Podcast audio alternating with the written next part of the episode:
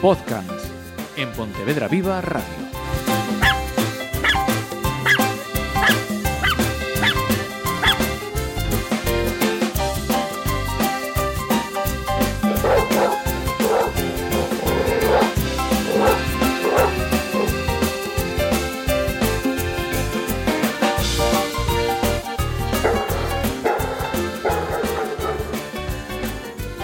Hola, saludos. Eh, entramos en otro de los programas podcast de podcast. Esto parece un trabalenguas, pero no es mucho más eh, sencillo y, y, y ameno. Eh, además, hoy no solamente eh, me acompaña nuestro Diego Álvarez, bienvenido Muchas una gracias. semana más, sino que nos hemos multiplicado. Somos cuatro hoy en el estudio de Pontevedra Viva Radio. Yo hoy voy a estar mm, más calladita de, de lo habitual para que sea Diego quien nos presente, nos diga quiénes son los invitados que tenemos eh, hoy aquí. Cuéntanos. Pues me sentía vago y dije, pues no hago programa, pero haga otro. Y dije, pues me llevo, me llevo a dos amigos, a Roberto y a, y a Fátima, eh, residentes en Pontevedra, eh, para hablar, pues dije, eh, tampoco perros, venga, otra cosa distinta, vamos a hablar de, de animales exóticos. Bien. Y qué mejor que, que ellos dos. Y presentaros, adelante. Pues hola, encantada. Muchísimas gracias por habernos invitado hoy aquí. Y yo me llamo Fátima y soy la coordinadora y responsable de AECAM, que son las siglas de Asociación Educativa y Cultural Animales del Mundo. Y yo soy Roberto, un saludo a todos y soy parte también de AECAM, un socio fundador. Bien, ¿y qué es AECAM? Bien, pues AECAM son las siglas de la Asociación Educativa y Cultural Animales del Mundo, que la creamos en el año 2010 y a raíz de un encontronazo un poquito casual, cuando sacábamos a nuestros perros por el campo, encontramos un conejo abandonado, que es el símbolo de, nuestro, de nuestra asociación. La conejita se llamaba Petra, enferma con sarna y bastante, bastante chunga, la llevamos al veterinario, se recuperó.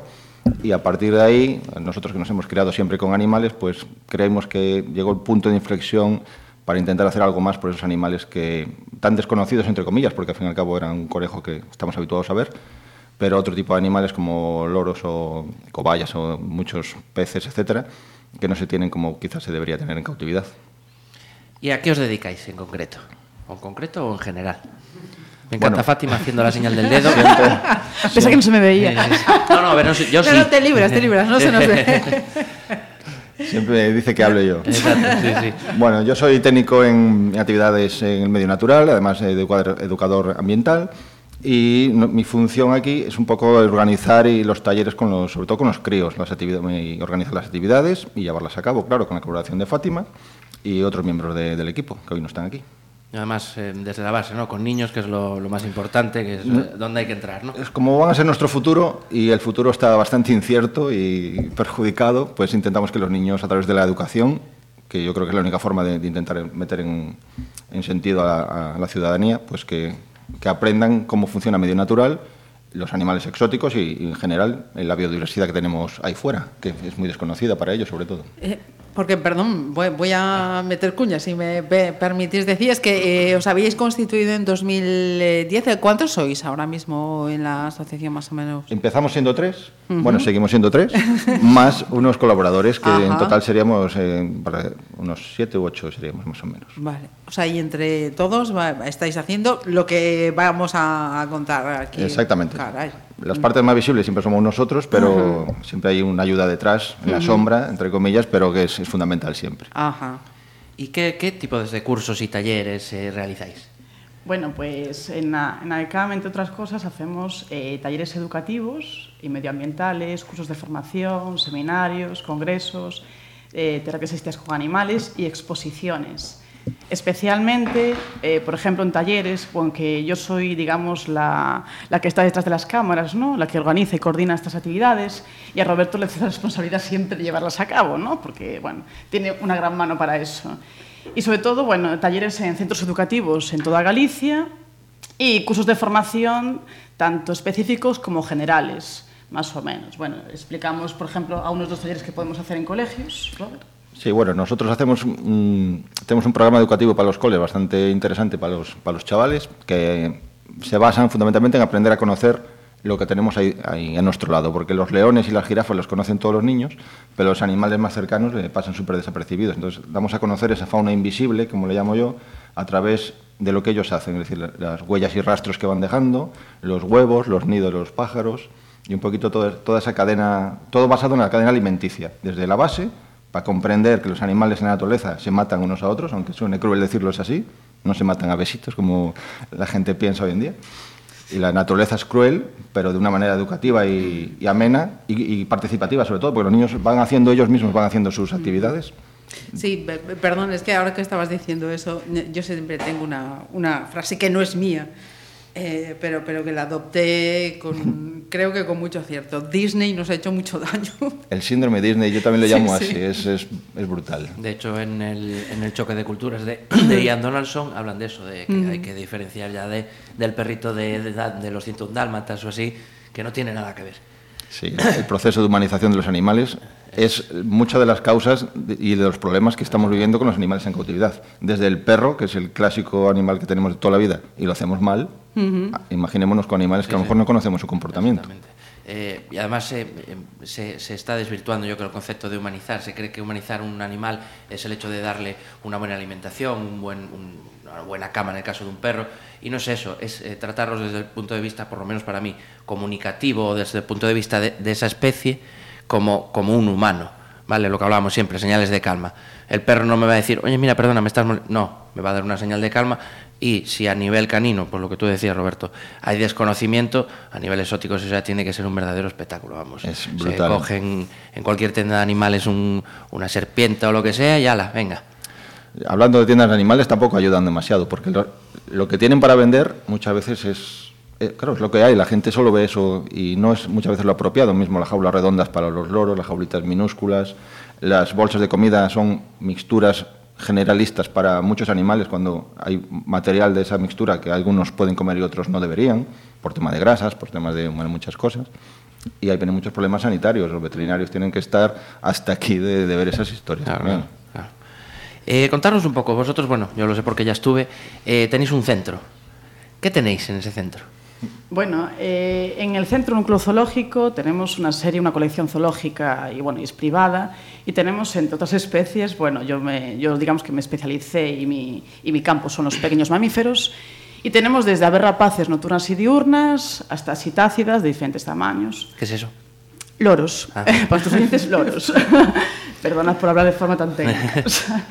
Eh, y después, bueno, pasando por pequeños mamíferos, desde lo que más común que hay eh, muchas veces en nuestros hogares, hasta de bueno, conejos, cobayas, de gus, que es una ardilla chilena, incluso ratas, y ayúdame, bueno, a uno más, ¿no? Por ahí. Eh, es, el campo de las aves es el, yo trabajo solo con los mamíferos nada más. Bueno, y sin dejar de lado unos animales muy necesarios en la naturaleza, que son los pequeños descomponedores, que yo tengo cucarachas gigantes y algún tipo de bichos muy especiales que a los niños, en contra de lo que piensan los padres, les encantan y no generan ese miedo ¿Sí? natural que tenemos nosotros porque sí. Sí, sí, me incluyo, me incluyo totalmente, por eso me llama la atención. Sí, sí. Pues sí, e incluso las ratas, los niños disfrutan con ella como si fuera un, per- Ajá. un perrito, por compararlo, que no me gustan esas comparaciones, pero así es. Y además son animales hiperinteligentes. Es lo que te iba a decir, que no, nunca trabajé con ratas, bueno, a nivel animal, a nivel humano, con un montón de ellas. Pero, pero por lo que tengo entendido, sí que son adiestrables, que son animales muy, muy inteligentes. O sea, en Sí, sí, sentido. son una cosa espectacular. Qué El que no las conozca, porque eh, generan ese, ese asco, esa, ese miedo, porque claro, no es lo mismo ver una de, te sale de aquí de, de la alcantarilla que una que sean criadas en cautividad, que tienen que llevan un proceso sanitario y están bien alimentadas y demás, no te van a atacar. sí, sí, sí. Es otra cosa. Me pa- pa- paso el capítulo, es que tengo ahora mismo un... Estás con las cucarachas gigantes No, no, no, todavía, estaba ¿no? con la rata, estaba Con la ratas, rata. ah. Sí, sí, sí, así un encuentro nada agradable. Sigue, sigue. Vale, una pregunta que, que se oye mucho además eh, sobre esto. El tema especies invasoras. ¿Es de verdad una problemática? ¿De dónde vienen esas especies invasoras? ¿Es por tráfico de animales? ¿Cómo viene todo eso? Las especies invasoras es un problema medioambiental muy importante que tenemos ahora, precisamente por estos animales exóticos que desde X años para aquí todo el mundo cada vez más es más accesible eh, poder conseguirlas, bien sea por tráfico legal o ilegal, eso en este momento es lo de menos. Pero cuando llega ese momento que los animales porque desconocemos su comportamiento, acaban siendo molestos para nosotros, bien por gritos, por porque se vuelven ariscos, nos atacan, etcétera, etcétera, la gente lo más fácil es echarlos a la calle, ya pasa con perros y gatos, imagínate con estos animales, van al monte, algunos sí sobreviven, hay problemas muy graves con, las sueltas que hubo de, de los bisones eh, americanos, el cangrejo de río, mismo plantas, el eucalipto, aunque queramos verlo, que es una especie muy, muy invasora y muy perjudicial para nuestros bosques, desde cotorras argentinas que hay por otros... Eh, eh, por otras eh, zonas de España, que destruyen nidos de las aves de aquí, le quitan comida, los van desplazando poquito a poco, y eso es un, un problema muy, muy, muy importante, que no sabemos, desde luego, atajarlo, porque yo soy para eso muy radical, y ahora seguramente muchos eh, van a cortar la emisión, pero una especie invasora, eh, que, por ejemplo, la avispa asiática, Ajá. ¿por qué la avispa asiática queremos exterminarla y las cotorras argentinas las queremos cuidar? Porque la No tiene- grima y la cotorra no. Partimos de la base que el animal no tiene la culpa, eso por supuesto. Sí, sí, sí. El animal jamás tiene la culpa, pero una especie que no, es, no está en peligro de extinción en su hábitat. Y aquí es, es un problema gravísimo. El exterminio suena duro, pero es ¿qué vamos a hacer con ellas? Está claro, eso sí. Es muy radical. Y, No, no, y sí, yo soy el primero que, que no opto por esa opción, pero antes que perjudiquen a los animales de aquí, o bien capturarlas y enviarlas en un buen lote a su tierra. Pero Los no- contenedores en los que se colaron y llegaron. Exactamente, exactamente. Exactamente, es, un- es un, es un problema muy grave. Y, y esa disyuntiva la que tenemos la, la gente, que que a unos los queremos y a otros los odiamos, cuando el, el problema que están causando puede ser equiparable, ¿no? Sí, sí, sí, está claro. Una preguntilla, hablabais antes de, de lo de núcleo zoológico. Explicarnos un poquillo qué es eso, eh, porque, eh, eso, bueno, para la gente que no lo sabe, y el tema este de hacino animales, tengo síndrome de Noé, pero ni los tengo bien, ni lo tengo legal, ni nada. Explicarnos un poquillo esto, por favor. Claro, el- a la hora de, de tener ciertos animales, eh, muchos necesitan una documentación especial.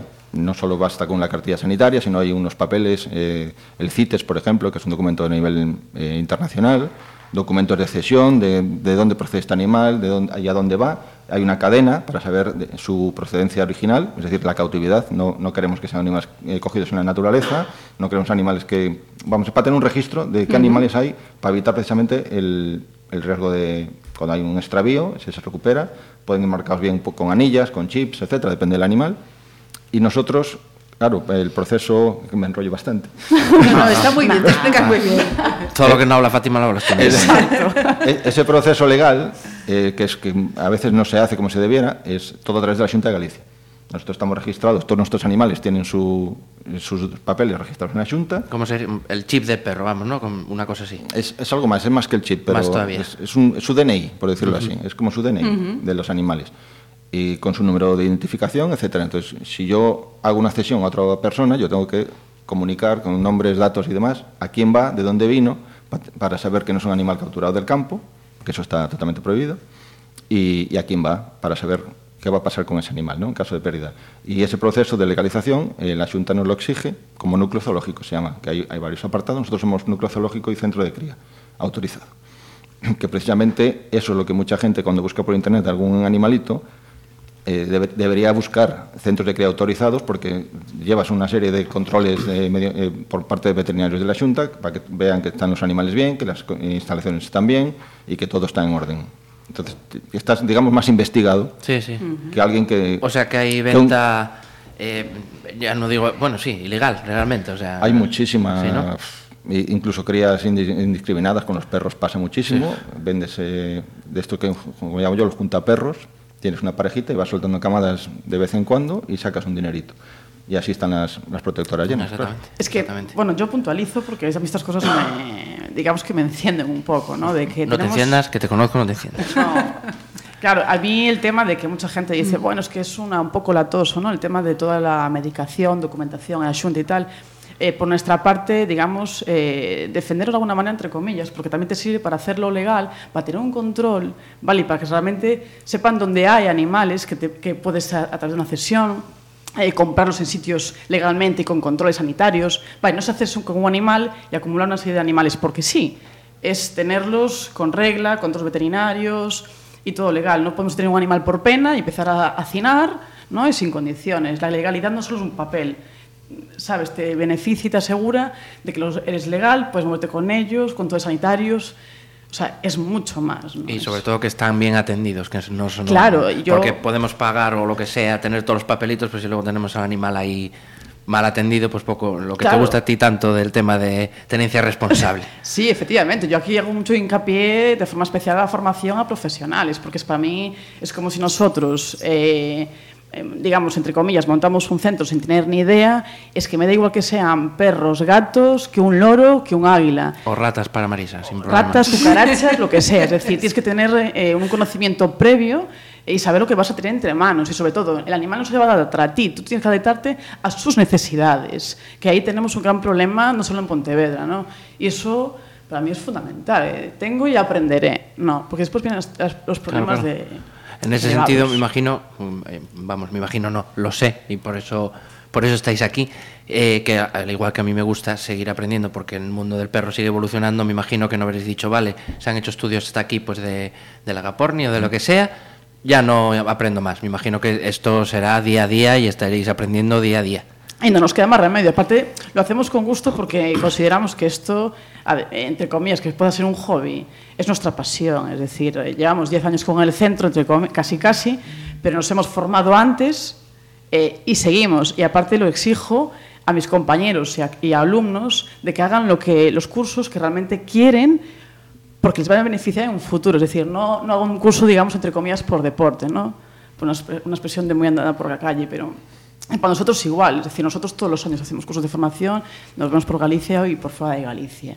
Vale, para estar actualizados, tanto en hay técnicas mejores, el alimento, pues hay una cosa que un producto que salió beneficioso para su salud, a nivel de medicación estar al loro, aunque disponemos de una veterinaria especialista en exóticos, pero es importante todo esto, esto es fundamental para nosotros.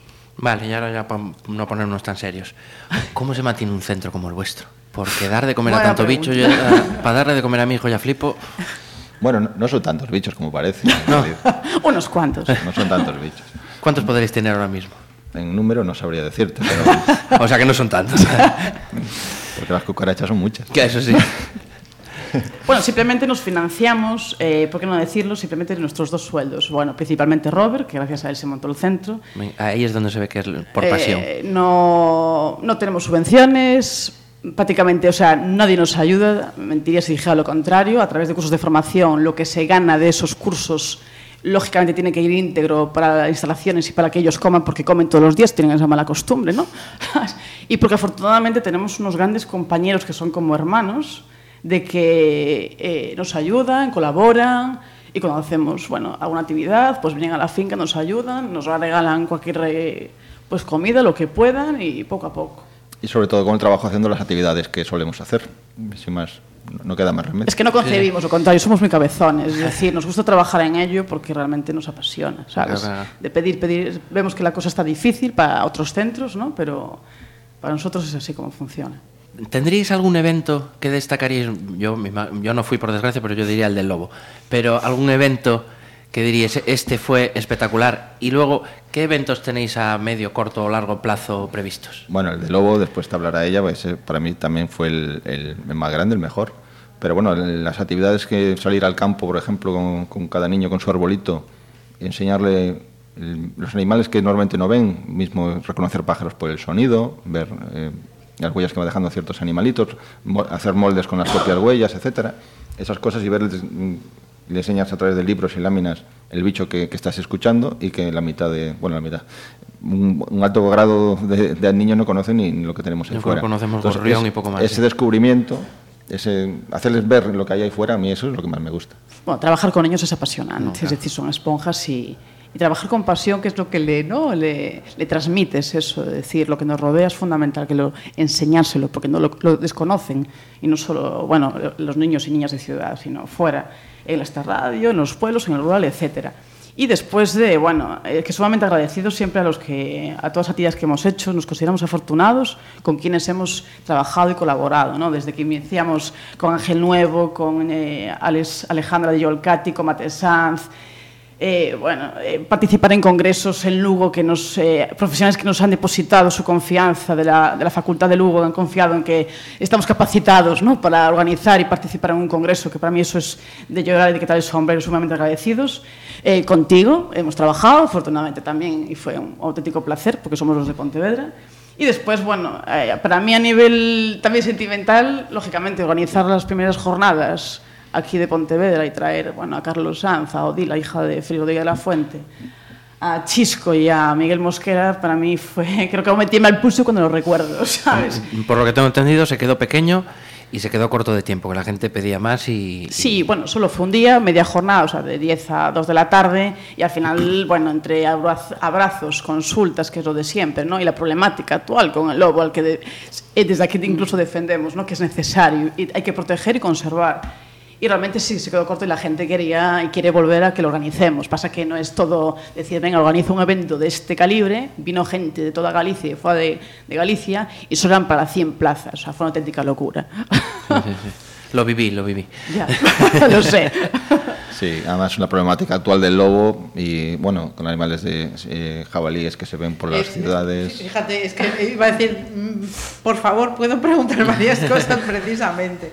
En, en ese sentido, efectivamente, hablábamos eh, de, de especies invasoras que no, no, no son invasoras, pero están invadiendo, entre comillas, un espacio que a priori no es el suyo, efectivamente. Nosotros hemos publicado esos vídeos, esas imágenes Sí. de, de lo- de- de los lobos por aquí, por, el pleno centro de, la ciudad. Hay otras ciudades en las que la presencia de los jabalíes es un auténtico eh, problema y eso es por que somos unos descuidados. y- Exactamente. Porque en realidad los invasores somos nosotros. Es- Sin duda, sí, sí. Yo... Es que volvemos, nosotros como humanos vemos siempre lo que nos perjudica a nosotros, pero no vemos el origen o nos cuesta verlo. El origen es que en el monte no hay nada que comer. Perdón, eran zorros, estaba diciendo yo lobos. Sí, eran sí, zorros, lo se han visto perdón. zorros, eh, jabalíes por Lugo, co- provocando accidentes, etcétera, Sí, etcétera, sí. porque la población de jabalí se está disparando porque le falta su depredador natural, que es- el lobo, prácticamente lo único que, que lo podría eliminar. Pues nada, nosotros siempre vemos el problema que el jabalí nos entra en las fincas, eh, invade las ciudades, etcétera, etcétera, pero el problema más grave es que antes nos hemos, nos hemos encargado de, de exterminar a su, o bajar su población al de su depredador mayor, que es el lobo, los bosques además carecen de, de alimento para los jabalíes porque suelen comer bellotas, raíces, etc. Los eucaliptos no le dan comida, Galicia está invadida de eucalipto, con lo cual ellos tienen que buscar eh, el alimento. Comida y miedo son los dos instintos más fuertes que tienen los animales, como nosotros, y ante la comida supera el miedo y buscan comida donde sea. Claro, invaden al humano, puede provocar eh, ataques porque el jabalí es bastante nervioso para esas cosas. Si se siente acorralado o demás, puede atacar, puede ca- causar daños, muchas veces por problemas de la propia gente, porque para hacerle la típica foto y demás se acercan más de lo que, debe- de lo que debieran. Entonces deberíamos tener, eh, partir de la base, de, como siempre yo digo, de la cadena alimenticia y que, que haya un equilibrio. Si ellos tienen comida en el monte, no van a tener tanta necesidad de bajar a, a comer de, de nuestras fincas. Aunque Claro. algún ataque siempre puede haber, evidentemente. Ah, y eso lo hacemos extensible a otros animales, como hemos visto, pues el zorro, etc, etc, etc, desde el más grande hasta el más Que chiquitito. como digo yo, esto ya está inventado desde hace millones y millones de años. La cadena alimenticia es la que es, no, Ajá. no cambió jamás. Parte de, de la parte más básica hasta los grandes depredadores que somos nosotros. Ajá. Y si eso se rompe por algún lado, si la cadena se parte, va a estar descompensado sí o sí. Ajá. Mira, y otra pregunta más que tenía. Hablabais de un programa educativo en, en colegios. Sí. Eh, ¿Sois los, los únicos que hacéis esto en, en Galicia? Pues no tengo conocimiento si seríamos los únicos o no, pero muchos Yo no he oído ninguna iniciativa igual, vamos. Nosotros solemos hacer, son nueve actividades diferentes, basadas todo en, en la, primero es la cadena alimenticia, después hablamos de la importancia de los polinizadores, eh, ahora que con tanto pesticida y tanto problema estamos acabando con las abejas, de hecho estamos eh, con nuestro siguiente, nos hablas de nuevos proyectos, no, no sé si me adelanto, queríamos meter, ya me adelanto, queremos, eh, estamos formando un colmenar para intentar, no como producción, sino como reproducción de abeja, como de polinizadores, vaya. Hacemos nidos de insectos para favorecer su presencia, tenemos un programa de huerto para evitar los pesticidas y asociar plantas con plantas, usar las plantas para que curen a sus propias plantas, que los propios insectos se maten, entre, los propios bichitos se maten entre sí para evitar usar pesticidas, todo a través de vegetación. ¿Y qué más tenemos? Tenemos el taller de huellas y rastros, tenemos el huevos y plumas, donde los niños ven por qué los huevos son de ese color o de esa forma, cómo vuela un ave, cómo nace un pollo, que quedan fascinados, porque a veces los, Claro. los huevos no vienen de la nevera, aunque no se lo No crean. del súper, Ah, lo tienen dicho. Aunque algunos, Sí. algunos sí lo tiene dicho, por eso es la cara de fascinación cuando le pones algún vídeo, alguna y pueden tocar esos huevos de distintas formas y colores y le explicas el por qué es así, por qué vuela un pájaro, porque lo vemos volar pero no sabemos por qué. Ajá. Le explicamos cu- cuál es el funcionamiento de las alas a través de las plumas y son así varias actividades que la verdad que llaman bastante la atención, incluso el reciclaje responsable. y Claro, por eso, ¿Qué sí, sí. Pues, bueno, eh, no solo es eh, como algunas veces te hemos escuchado, es que lleváis animales, digo, no, no es eso. Es decir, Exacto. disponemos de un amplio material formativo, ¿no? Con el que se puede trabajar incluso, eh, por lo que dice el huevos, plumas, para hacer distintos, eh, bueno, distintas, eh, como lo que podemos encontrar aquí, de especies autóctonas sobre todo, que es lo interesante. Y sobre todo para, los- para que los niños toquen, que es como se aprenden. O, por ejemplo, eh, que hicimos un taller ahí en la Xunqueira hace poco, y que los niños toquen, que vean, que comen, lo que hace falta tener ahí fuera, ¿no? Y desgranan y trabajan con las manos, que eso es lo interesante, La- esto que las- está perdiendo la las esencia. agrófilas que ella comenta es el vómito, entre comillas, de, las, de algunos animales Ajá. cuando re- regurgitan la comida que les sobra. Engullen huesecillos, plumas y lo que no les vale, hacen una pelotilla y lo echan. Nosotros vamos, co- coleccionamos, tenemos un montón de ellas y a través de, eh, de un taller muy interesante ellos van desgranando esas cosillas y vamos formando los esqueletillos de los bichos que esos animales van comiendo y según su dieta, su manera de estudiar lo que hay en el campo a través de, de los restos y de los animales que lo pueden estar cazando, topillos, ratoncillos, etcétera, pajaritos, lo que sea. Y es- es fascinante para los, para los chavales. Sí, sí, sin duda, sin duda. Y una cosilla que lo estábamos comentando antes de, de empezar la grabación. ¿Qué, ¿Qué opináis de esto de, anda, mira, qué bichillo, un topo más bonito, me lo voy a llevar para casa? O este pajarito que se debió de caer del nido, me lo voy a coger y me lo voy a llevar para casa. Que así me hago yo un, un exótico para mí y encima no pago un cojonudo. Sí. Bueno, el, Coger animales ya del medio natural para mí es un error eh, garrafal, no solo que a nivel personal, que el 90% de los casos que nos llama o que nos enteramos acaban falleciendo y la persona no tiene ni idea de conocimientos. Lo puedes hacer por tu bien, porque te dé miedo el animal, pero es un error. Y a nivel de cadena alimenticia también supone un, un gran problema. Aconsejamos que siempre que hay que dejar... eh, claro, ahora, al animal. ahora que empieza la época de cría, nos llega un montón de gente que nos escribe a través de las redes o, o nos llama, encontré tal animal, está herido, está enfermo, tal. Yo siempre le digo que el el 90% de esos casos eh, el animal está, está perfectamente, lo que pasa es que es un polluelo, en caso de un pájaro, está quieto en un sitio porque está intentando ocultarse de sus depredadores y esperando que los, pájaros, los padres le den de comer, pero tendemos a cogerlos porque lo vemos indefenso y no vuela, el síndrome Disney, volvemos a eso, pobre bichito que está abandonado, en realidad muchos, muchos no están abandonados. Entonces, nuestra primera idea siempre es decir, a no ser que veas que tiene una ala rota claramente, una pata rota, que esté sangrando, algo grave, en realidad, lo mejor es dejar que la naturaleza actúe, porque la naturaleza, y volvemos a la cadena de siempre, el, el fuerte sobrevive, el débil lo tiene que comer otro, o los enfermos lo tienen que comer otro. Y esto es cruel, pero, pero es la naturaleza. Funciona y, así, y es así. Es. Y el animalismo Sí, sí. moderno, en ese sentido, está haciendo mucho, mucho daño eh, en, estas- en este tema. Pues no sé si tenéis algo más que añadir, a mí se me ha pasado volando. Sí, a mí también. Yo, yo quería decir, por favor, eh, eh, do- do- ¿dónde estáis? Cualquiera que nos escuche, que quiere hacer una actividad con vosotros, sea coles, sea grupos, ¿a dónde se tienen que, que Sí, dirigir? dar el correo o, o el face o lo, lo Sí, que bueno, en. Facebook, en ICANN Galicia ya nos puedes localizar, en, en- a través del teléfono de la asociación, bueno, el mío personal, que atiendo encantada, 667-231-974, a través de correo electrónico por info.icangalicia.com y de la página web icangalicia.com. Entonces ahí estamos disponibles para cualquier tipo de consulta, formación o lo que queráis. Pues de verdad, muchas gracias por haber venido a los A dos. vosotros, encantados. Y, y esperemos que no sea la última vez que vengáis. Bueno, Ojalá. tomo la palabra. Pues nada, muchas gracias. Como decimos siempre nosotros, aprende, disfruta y sobre todo respeta. Sobre todo, también. sobre todo. Y nos quedan los clásicos, la frase, el libro Venga. y la adopción. La Y- frase, vamos con una de Indira Gandhi, que dice que nunca olvidéis que cuando estamos en silencio somos uno y cuando hablamos somos dos. El libro es un libro que a mí me parece muy interesante, eh, que es para tema de masajes con, con perros, que tienen muy buenos resultados. Se usan de hecho masajes, acupuntura y tal con perros, que es el método Tellington Touch de Linda Tellington Jones. Y finalmente la, la- la adopción, lo que promovemos, la imagen tenencia de- responsable y adopción. Eh, a ver si vaciamos las protectoras de una vez.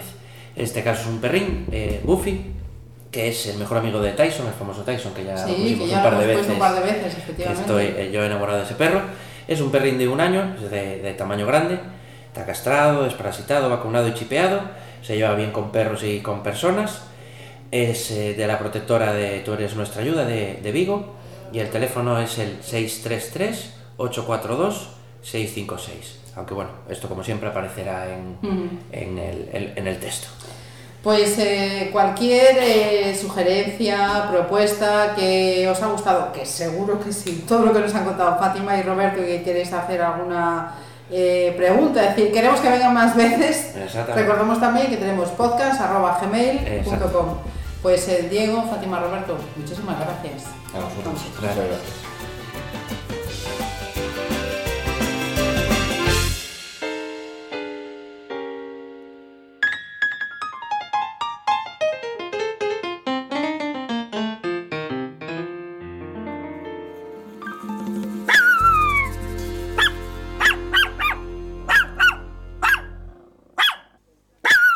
Podcast en Pontevedra Viva Radio.